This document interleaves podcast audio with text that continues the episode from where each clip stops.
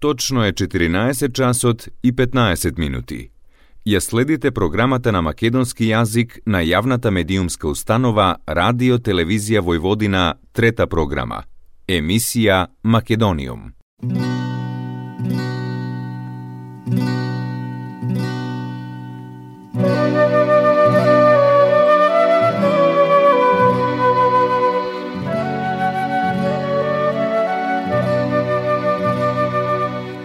Добар ден и добре дојдовте во најновото издание на емисијата Македониум. Со вас, почитувани слушатели, е вашиот уредник и водител Јулијана Милутиновиќ.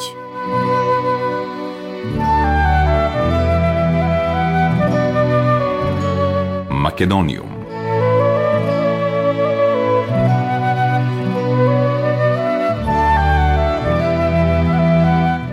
Председателот на покраинската влада Игор Мировиќ пред 6 дена ги врачи договорите вредни 61,6 милиони динари за суфинансирање на активностите на 17 национални совети на националните малцинства заради унапредување на малцинските права на територијата на покраината, истакнувајќи дека сочувувањето на заедништвото за Војводина е клучен приоритет. Според неговите зборови, мнозинскиот српски народ и националните малцинства кои заедно живеат секогаш, а особено во тешки времиња, мораат да го чуваат заедништвото и да се унапредуваат. Тој рече, ова е важно бидејќи на овој начин ја искажуваме нашата приврзаност кон заедништвото, солидарноста и уважувањето на правата на националните малцинства. И со ова покажуваме дека на најконкретен начин помагаме во реализација на проектите и програмските активности на националните совети. Без заедништво тешко дека ќе можевме да ги постигнеме успесите кои Војводина ги бележи во последните години и на економски план и на развој на локалните средини. Една од најважните задачи на покраинската влада е токму поддршката на работата на националните совети на малцинствата, како би се сочувал заеднички јазикот, писмото, културните содржини, информирањето и образованието на јазиците на националните малцинства, а тоа ќе го правиме и во времето кое е пред нас. Исто така подсети дека покринската влада во изминатите години беше многу активна и во врска со изградбата и реконструкцијата на објекти кои ги користат културните установи на помалите заедници, во финансирање на содржини од областа на издаваштвото, како и во решавање на други прашања од значење за националните малцинства во локалните средини. Договори добија националните совети на македонското, унгарското, словачкото, хрватското, румунското, русинското, ромското, црногорското, буњевачкото, украинското, германското, чешкото, египетското, ашкалиското, грчкото, руското и полското национално малцинство.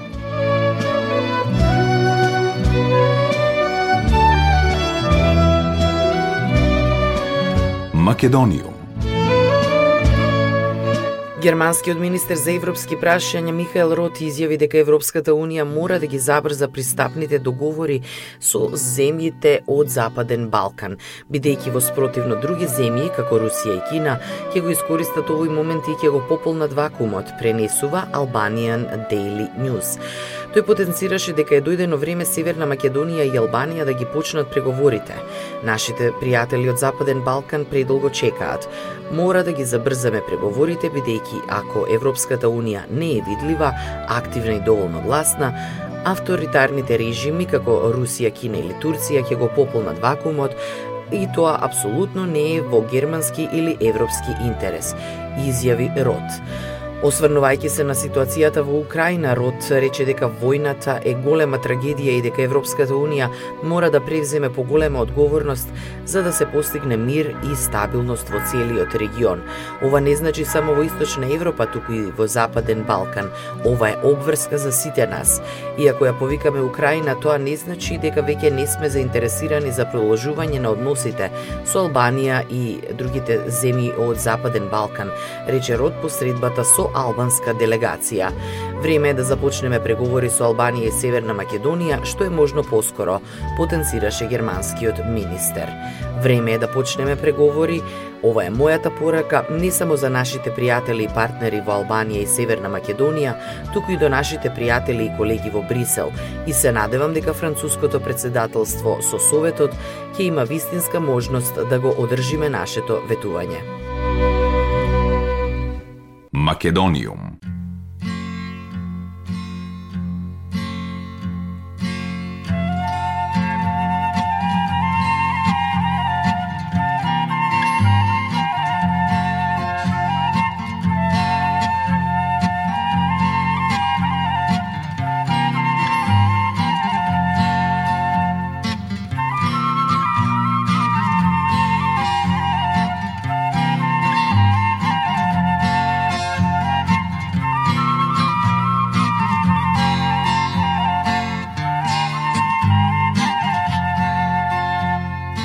sanok lenado sanok nespiro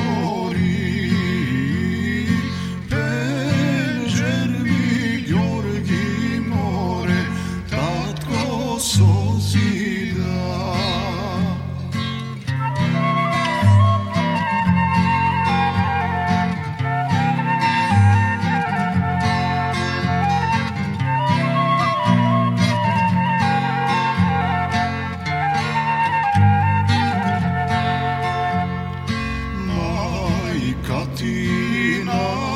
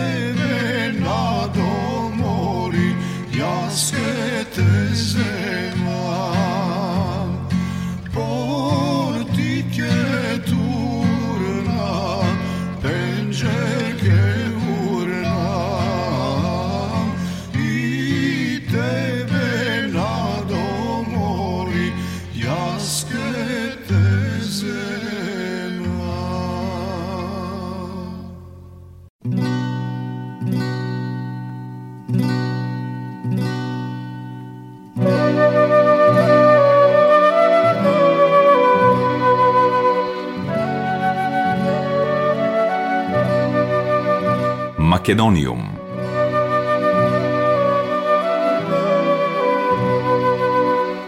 Граѓаните како најголем виновник за застојот во процесот на пристапување на Северна Македонија кон Европската Унија ги посочуваат обструкциите на соседните земји кои се членки на Европската Унија, но има и такви кои сметаат дека државата не направила доволно во реформскиот процес.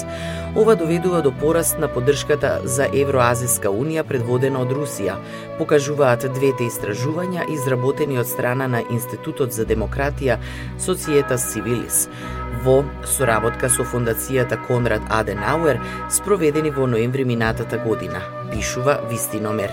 Иако 43% од испитаниците ги обвинуваат обструкциите од соседните држави кои се членки на Европската Унија за немањето напредок во пристапниот процес и за тоа зошто земјата не е членка на Европската Унија, сепак над една третина од населението, 34%, проблемот го лоцира во неостварување на домашните реформи, што представува зголемување од 15% во споредба со 2020 година. Истражувањата покажуваат дека ваквите податоци доведуваат до намалување на кредибилитетот на Европската Унија во државата, како и до висок процент кај оние кои поддржуваат Евроазиска Унија начело со Русија. Евроазиската Унија предводена од Русија како алтернатива на членството во Европската Унија е поддржана од една третина од испитаниците во истражувањето, додека противниците на таа алтернатива имаат стабилно мнозинство од 53%. Се забележува разлика и кај етничката припадност, па така високи 45% од македонците би поддржале членство во Евроазиската унија. Во истражувањата се забележува дека ветото добиено од Бугарија се рефлектирало и на процесот на спроведувањето на реформи, кај кои се констатира застој. Апели за фокусирање на реформскиот процес деновиве на почетокот на месецот пристигнаа и од евроамбасадорот на Европската Унија Дейвид Гир и францускиот амбасадор Сирил Бонгартнер на пресконференција во седиштето на Европската Унија во Скопје пред неколку дена. Амбасадорите порачаа дека реформите и преговорите меѓу Бугарија и Северна Македонија мора да продолжат, бидејќи тие се условот за членство во Европската Унија и дека не треба да се прават споредби на ситуацијата помеѓу Русија и Украина со онаа на Северна Македонија и Бугарија, бидејќи станува збор за крајно различни ситуации. Македониум Фондацијата за унапредување и промоција на културните вредности Славко Јаневски на пресконференција што се одржа вчера во барот на Македонската филхармонија објави дека Денот на црвот од Симона Јовановска во издание на издавачката куќа Или Или е добитник на наградата Роман на годината за 2021 година. Оваа година во конкуренција за наградата беа 39 романи, а жири комисијата ја сочинуваа Владимир Јанковски, председател и минатогодишен лауреат, Катица Гаровска Ацевска, Ермис Лафазановски, Лилијана Пандева и Катерина Богуева, представничка на фондацијата. Жири комисијата одржала 4 состаноци при што по три изборни круга беа избрани 4 дела кои влегоа во најтесниот избор за наградата.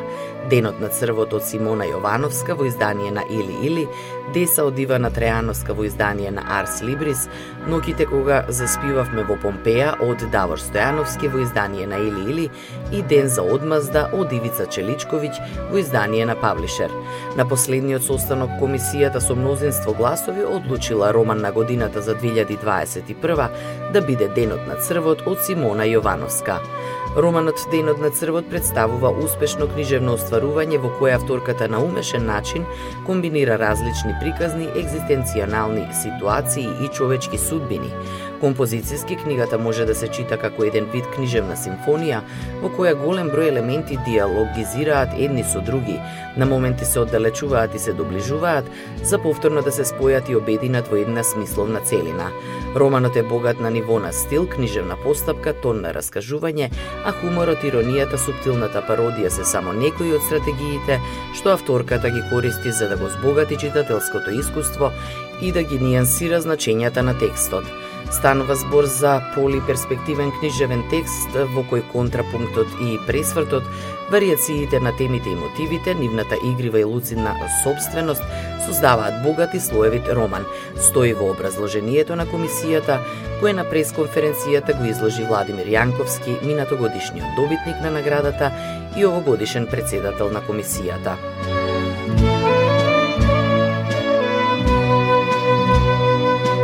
Македониум.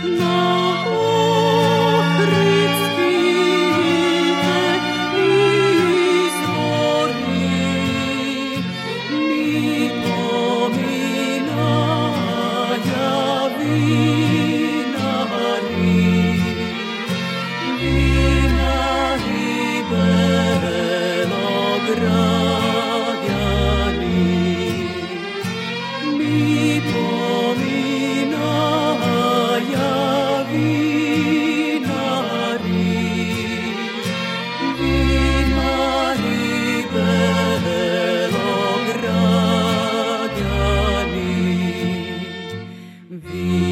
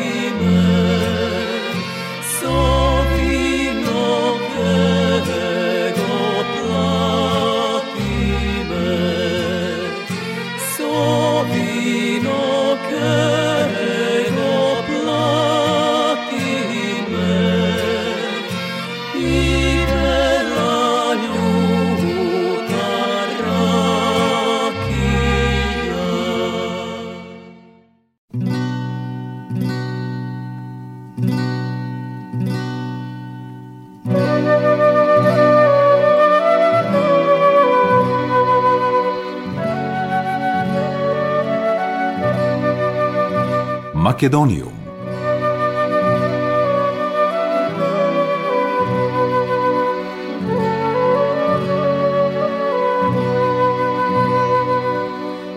Скопје танцов театар првпат ќе настапува во Франција со представата Идентитети, историја на еден растегнат сон на Ресима Ресимкин.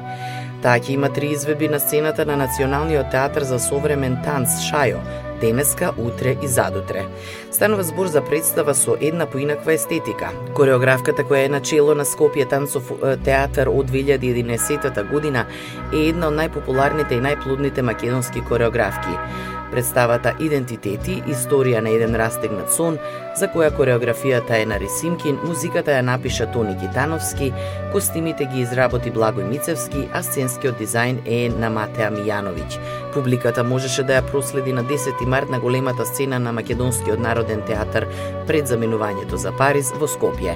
Во представата настапуваат Анастасија Данчевска, Мими Попалексова, Сара Цветковска, Бобан Русески, Викторија Коцева, Стефани Шаршмит, Андреј Димовски и Емилија Милак.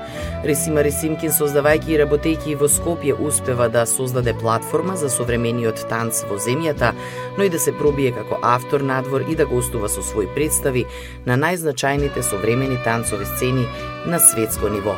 Таа се појавува на големите меѓународни сцени, но за сега е непозната за Франција. Скопје танцов театар, основан и предводен од Ресима Ресимкин во своите 10 години постоење, успева да се пласира на интернационалната современа танцова сцена и да гостува на најпрестижни фестивали. Скопје танцов театар за себе има остварено преку 70 продукции. Македониум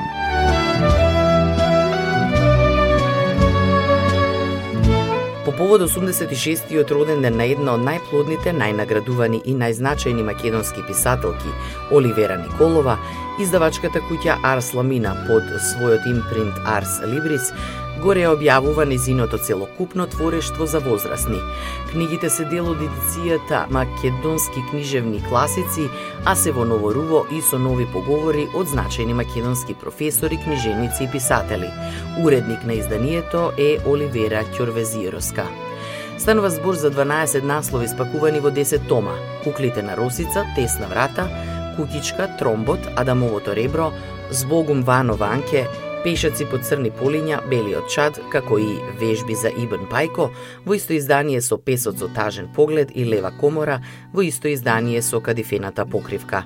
Овие дела кои се и своевиден подарок за идните поколенија ќе бидат представени пред јавноста на свечен промотивен настан. Оливера Николова е родена на 11 март 1936 година во Скопје. Дипломирала на Филозофскиот факултет при Универзитетот Свети Кирил и Методи во Скопје, а целиот свој работен век го поминала во македонската радиотелевизија, работејќи како уредник и драматург. Таа е член на Друштвото на писателите на Македонија од 1963 и покрај богатиот книжевен опус, Оливера Николова е најпозната како авторка на првиот градски лик во македонската литература Зоки Поки. Вредностите на Оливера Николова во македонската книжевност за деца од незината прва книга континуирано се мощне високо рангирани. Сите критичари што се занимавале со незините книги за деца потенцирале дека со незиното творештво македонската книжевност за деца се збогатува со дотогаш неоткриени мотиви.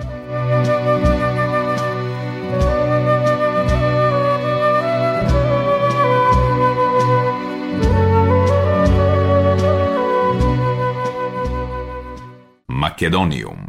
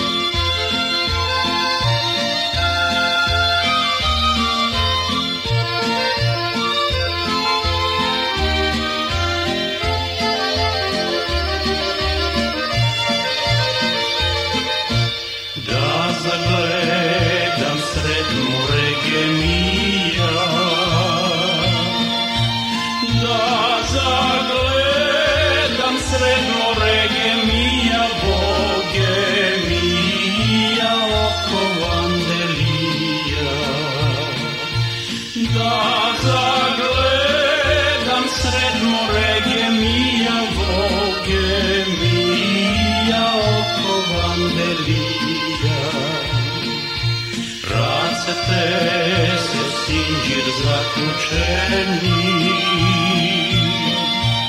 Racete se v sinđir zaključeni, nozete se buka istegnati.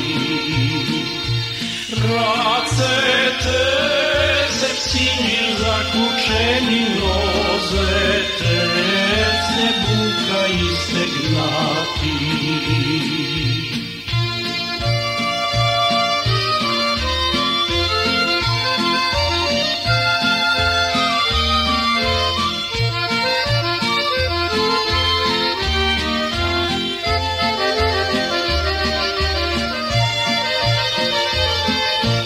Narame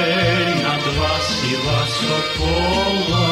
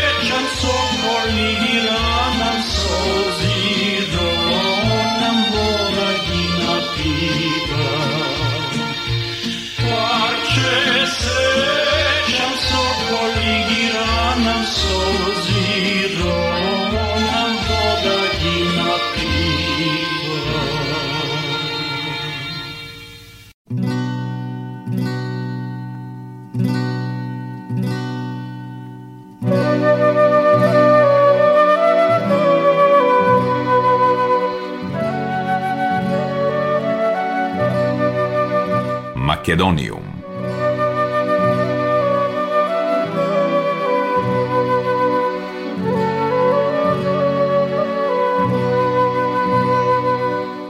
Почитувани слушатели, тоа беше се во денешното издание на емисијата Македониум. До следната среда во исто време, срдечен и голем поздрав од вашиот уредник и водител Јулијана Милутиновиќ. Ја следевте програмата на македонски јазик, емисија Македониум. Главен и одговорен уредник Воин Поповиќ.